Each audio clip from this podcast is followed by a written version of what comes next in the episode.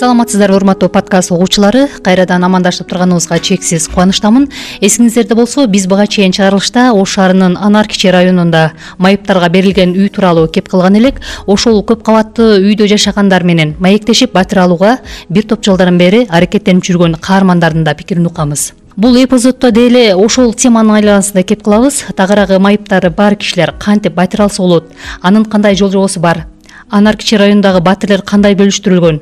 Ушул суроолорго кеңири жооп алмакчыбыз. Сиздер менен журналистика кафедрасынын окутуучусу чынара абдиева жана ошондой эле журналистика адистигинин бүтүрүүчүсү маматказы расул уулу экөөбүз алып бармакчыбыз. Салам кадырлуу угарман. Сиздер менен аманчылыкта угушуп жатканыма кубанычтамын. Биздин подкастты тыңдап жатканыңыздарга терең ыраазычылык билдиребиз. Албетте бүгүнкү чыгарылыштан пайдалуу маалыматтарды аласыздар деген ишеничтебиз эскерте кетсек аталган подкаст интербилим эл аралык борбору коомдук бирикмесинин оштогу көпчүлүгү жана ош мамлекеттик университетинин журналистика кафедрасынын чатырлап медиа лабораториясынын колдоосунун астында жарыкка чыгууда. Дал ушул медиа лабораторияга студиябызга бүгүнкү эксперттерди чакырганбыз. Бизде конокто ош шаардык мэриясынын курулуш бөлүмүнүн башчысы мирлан исраилов ош шаардык э, мэриялык муниципалдык ипотекалык ишканасынын башчысы кутманалы абдрахман уулу жана калктын өзгөчө катмарын коргоо жана өнүктүрүү борбору коомдук фондунун жетекчиси зейнеп эшмуратовалар келип отурат саламатсыздарбы студияга кош келдиңиздер. Алгачкы суроону мирлан исраилов агай сизге узатайын деп турам. Ал арада угармандарга кыскача маалымат айта кетейин. Кытай мамлекети ош шаарынын анар кичи районунда алты кабаттуу үй курууну баштаган жалпы эки жүз жетимиш эки миллион сомго курулган көп кабаттуу үй арадан беш жыл өткөндөн кийин майыптарга тапшырылган. Кийинчерээк бул батирлер туура эмес бөлүштүрүлгөн деген шек менен кылмыш иши козголгон. Мирлан мырза сиз батирлерди бөлүштүргөн комиссиянын төрагасы болгонсуз айтсаңыз майыптарга берилген батирлер кантип кандайча бөлүштүрүлгөн? Үй эки миң он экинчи жылдан баштап салынган эки миң он экинчи жылдан баштап кийин беш жыл туруп калгандан кийин ош шаарынын жетекчилиги грант эсебинен келип салынган үйдүн баасы аябай кымбат болгондон квадрат метр эки миң долларга чейин болгондон муну эч ким ипотекага ала албайт деп туруп биз социально уязвимый мүмкүнчүлүгү чектелген адамдарга берели деп чечим чыгарганбыз ошондо алты кабаттуу үйдө жалпы канча батир бар? Жана кайсы кабатта кайсыл адам жайгашат өздөрү майыптар тандап алды беле а комиссиянын курамында кимдер каралган? Инвалидтер алтымыш алты бөлмөдө бир бала детдомдун баласы болгон.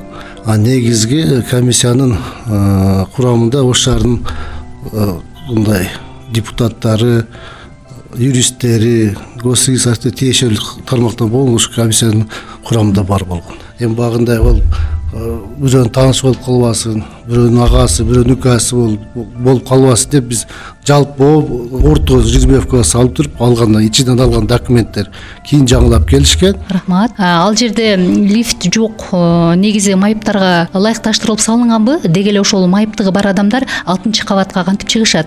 Бизде багында выбор болгон эмес да биз тандап алып туруп ошону бир өзүбүздүн барып салып мына пандустарды коюп же болбосо ошол кездеги баягы сиз айтмакчы инвалидтерге лифт андай жок бизде ошо бар нерсени биз буга чейин инвалидтер берилген эмес нерсе инвалидтер берип салганбыз негизги биздин максат ушу инвалидтерди турак жай менен ошол жерде биринчи этаж болобу экинчи этаж полный ошол адамдар сүйүнгөн да ошол кезде. Бул үйдүн айланасында козголгон кылмыш ишине ылайык үй алган сегиз киши турак жайы жок деген справканы жасалма алган ошондой эле отуз эки адам буга чейин ош жалал абад бишкекте каттоодо турганы айтылган эле. Турак жайы бар экендиги маалым болгон. Бул боюнча эмне дей аласыз? Батирлерди бөлүштүрүүдө комиссия чынында эле катачылык кетирген деп ойлойсузбу ошол кезде ош шаарында жети жүздөн ашык инвалид катталганда ошол инвалидтердин ошол кездеги эми го токсонунчу жылдан бери жыл отдел деген неме болгон? Отделдер документ топтоп тапшырып жүргөн. Ошол маалда арыздарын алып документтер кийин жаңылап келишкен кыргызстанда. Жалпы элибизде турган мүмкүнчүлүгү чектелген жарандарыбыз бишкекке жакын жашагандар бишкекке барып катталат. Ош шаарга жакын болгондор ош шаарга келип катталат. Мүмкүнчүлүгү чектелген үй бүлөлөрдүн ата энеси же болбосо балдары медициналык жардамга ушундай чоңураак шаарларда аларга ыңгайлуу шарттар көп болот. Ушул ыңгайлуу шарттарды издеп келип алар ошон үчүн ош шаарына прописканы коюп ушул жерге туруктуу жашаганга аракет кылышат негизи турак жай кодексине ылайык биринчи экинчи группадагы майыптар алгачкылардан болуп батир алууга укуктуу делет дагы батирден үчүнчү топтогу майыптарга да үй берилгенин улуттук коопсуздук комитети билдирген. Бул боюнча да айта кетсеңиз. Кезексиз деп туруп бизде бериле турган бул баягы детдомдун балдары болуп айтылат. Калгандар первоочередной деп айтылат жалпы первоочередной деп айтылат. Аларды бөлбөйт сен биринчи сен экинчи сен үчүнчү ошолор булар бул маселе боюнча юристтер юридикалык жактан баа берилген. Ага мен кийинки суроону абдрахман агай сизге бергим келип турат. Мисалы үчүнчү топтогу майыптардан мурда кезекте турган биринчи экинчи топтогуларга батир берилиши керек деп турак жай кодексинде жазылган. Негизи батир бериле баштайды дейли. Мындай учурда жаңыдан кезекке турган биринчи топтогулар батир алып анан көптөн бери күтүп жаткан үчүнчү топтогулар үйсүз калып калбайбы? Ушундай балансты кантип кармоого болот өзү? Негизги маселе бул ушу турак жай кодексинин э, атайын беренеси беренеде он бир категорияга кезексиз үй берүү маселеси каралган. Он бир категория. Анын ичинде ошо мүмкүнчүлүгү чектелген жарандар жөнүндө дагы маселе сөз бар. Негизги проблема бул мыйзамдагы көрсөткүчтөр менен азыр республиканын финансылык айталы мүмкүнчүлүктөрүн дал келбей жаткандыгы деп айтсак болот. Талап кылган абдан көп. А бирок аны аткарууга келгенде анын финансылык маселелери так чечилбей келет проблема негизги көйгөй ушудан чыгат. Деги эле ал мүмкүнчүлүгү чектелген жарандар эмес жалпы жарандар. Турак жай менен камсыз болууга мамлекет аларды камсыз кылууга милдет. Демек бул милдетти аткаруу маселеси негизинен каржы булагына барып такалат каржы булагын чечпесек бул көйгөй ачыкпайдан кала берет. Ошондуктан биз баардык күч аракеттерибизди маселебизди проблеманын көйгөйдүн көптөө жагынан баштап өйдө көздөй кетип маселени этап этабы менен чечип келишибиз керек болот Э, чучук кулак менен чечүү канчалык мыйзамдуу деп айта аласыз? Э, эгерде мыйзамда башка жолу так көрсөтүлбөсө анда бир гана ошол практика кылат. Биринчиден. Экинчиден акыркы мезгилде турак жай бөлүштүрүү маселесинде баардык эле э, мындай ведомстволордо башкаларда ушул метод жеребьевка чучук кулак менен алуу методу колдонулгандыктан жалпы практика болуп кеткен деп айтсам болот да мыйзамда бул конкреттүү именно ушундай жол менен бөлүштүрүлсүн деп каралган эмес. А практикада болгондуктан муну эч ким таңган да эмес. Ошондой мындай эки ача пикир ар дайым калып турат майыптарга үй берүү маселесин ош шаардык мэриясы кантип чечкени жатат? Бул жаатта кандай иштерди алып барып жатасыздар бир жылдан бери муниципалдык ипотекалык ишканасы мындай көйгөйдүн бар экенин билип коомчулукту ушул маселеге көңүл бөлүү боюнча демилге көтөрүп келатабыз атайын ушул багыттар лотерея билеттерин чыгарууну демилгелегенбиз баалуу кагаздарды баш мындай э, көзөмөлдөө агенттигине чейин чыгып уруксаттарды алып макулдашканбыз. Маселе эми дагы коомчулук бул маселеге бир эле мэрия эмес жалпы коомчулук кандай маселени карайт? Э, коомчулук колдойбу ушул маселени? Көйгөй жаратып аткан учурда ушул маселеге кол кабыш кылабы ушул көйгөй болуп турат бизди угуп жаткан майыптар үй алууга арыз берейин деп чечти дейли. Кандай документтер даярдаш керек? Баарын так санап айтып бере аласызбы? Үй алууда негизгиси негизги маселе бул э, алардын ош шаарынын тургуну болуусу. Себеби ош шаарынын мэринин өзүнүн компетенциясы бар ал круг ошол ош шаарынын рамкасынан сырткары ашпайт экинчи маселе эгерде ал майып болсо анда алар биринчи категорияда үй алууга мүмкүнчүлүгү болот. Аны ош шаардык муниципалдык менчик башкармалыгы кабыл алат. Ал ал жерде ошол майыптуулугу жөнүндө документин подтверждениесин көрсөтүшү керек. Үй алабыз десе анда биринчи кезектүүлүктө үй алуу мүмкүнчүлүгү бар. Алар он үч перечинден турган документ тапшырышат. Анын негизгиси бул ош шаарында учету болуусу атында үй мүлкүнүн болбоосу анан жалпы кирешесинин жетиштүү экендиги себеби бул кредит аны төлөшү керек. Жогоруда айткандай эле биздин студиябызга эки экспертти чакырганбыз. Анын бири калктын өзгөчө катмарын коргоо жана өнүктүрүү борбору коомдук фондунун жетекчиси зейнеп эшмуратова э, саламатсызбы? Дагы бир жолу. Зейнеп эжеке э, алгач сиздин фонддун максаты жасаган иштери тууралуу маалымат бере кетсеңиз. Саламатчылык. Биздин калктын айрылуу катмарын коргоо жана өнүктүрүү фонду эки миң он алтынчы жылы э, ош шаарында негизделген. Ошол эки миң он алтынчы жылдан баштап бизде ушул кыргызстандын түштүк аймагында калктын айрылуу катмары э, бул деген ушул э, улгайган жарандар тыгы бар адамдар ошондой эле оор турмуштук кырдаалга кабылган учурда өз э, көйгөйүн өз алдынча чечип кете албаган үй бүлөлөр жана балдар менен иштейбиз. Негизги акыркы мезгилдеги ишмердүүлүгүбүз майыптык маселесине орчундуураак орун ээлейт майыптык маселесин боюнча көбүрөөк иштерди жүргүзүп атабыз майыптардын укугун кантип коргоо керек өзү деги эле? Мүмкүнчүлүгү чектелген адамдардын укугун коргоо болгондо биз негизинен аларды маалыматтык жагынан укуктук жагынан социалдык жагынан ар тараптуу карайбыз негизи укукту коргогондо э, ошол э, мүмкүнчүлүгү чектелген жарандын алгачкы керектөөлөрүн муктаждыктарын изилдөөдөн баштайбыз. Ал э, мүмкүнчүлүгү чектелген жаран деги эле эмнеге муктаж болуп атат учурда?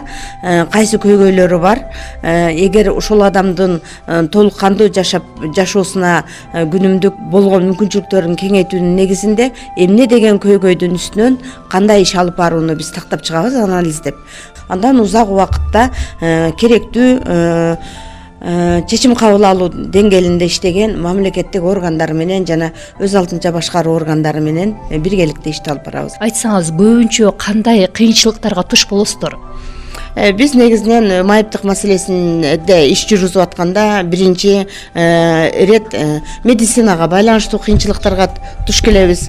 Медицинада байланыштуу жанагы оорунун өтө орчундуу учурларынан улам медицинанын кызматына кызмат акысы төлөмдөрүнөн улам. Эмсек жана медико социальдык экспертный комиссиядан өткөрүүдө үй бүлөлөрдү кыйналабыз. Азыр эми акыркы убактарда жакшы эле болуп калды бирок негизи майыптык маселесинде жанагы техническое средство реабилитации дейт. Ошону техникалык э, калыптандыруу э, каражаттарынын жоктугу. Мисалы үчүн коляска берилсе төрт жылга берилет. Ал коляска төрт жылда жетиштүү болдубу үй бүлөгө анын муктаждыгын канааттандыруу же дароо эле сынып калдыбы аны атайын мониторинг жүргүзүп анализдеген э, эксперттик эмелер жок. Дагы кыйналгандарыбыз жанагы үй бүлөлөрдүн өзүнүн аң сезиминин түшүнүгүнүн аздыгы. Зейнеп эже мүмкүнчүлүгү чектелгендер менен бир канча жылдардан бери иштешип келе жатасыз да? Бул жааттагы адис катары анар кичи районунда мүмкүнчүлүгү чектелгендерге таратылган үй боюнча деле уксаңыз керек буга чейин. Эксперт катары айтып кетсеңиз негизи майыптарга үйлөрдү бөлүштүрүүдө кандай мүчүлүшүктөр болуп жатат? Негизи турак жай маселеси аябай оор. Улуттук статистика комитетинин э, данныйлары менен жүз токсон эки миң майып адам бар.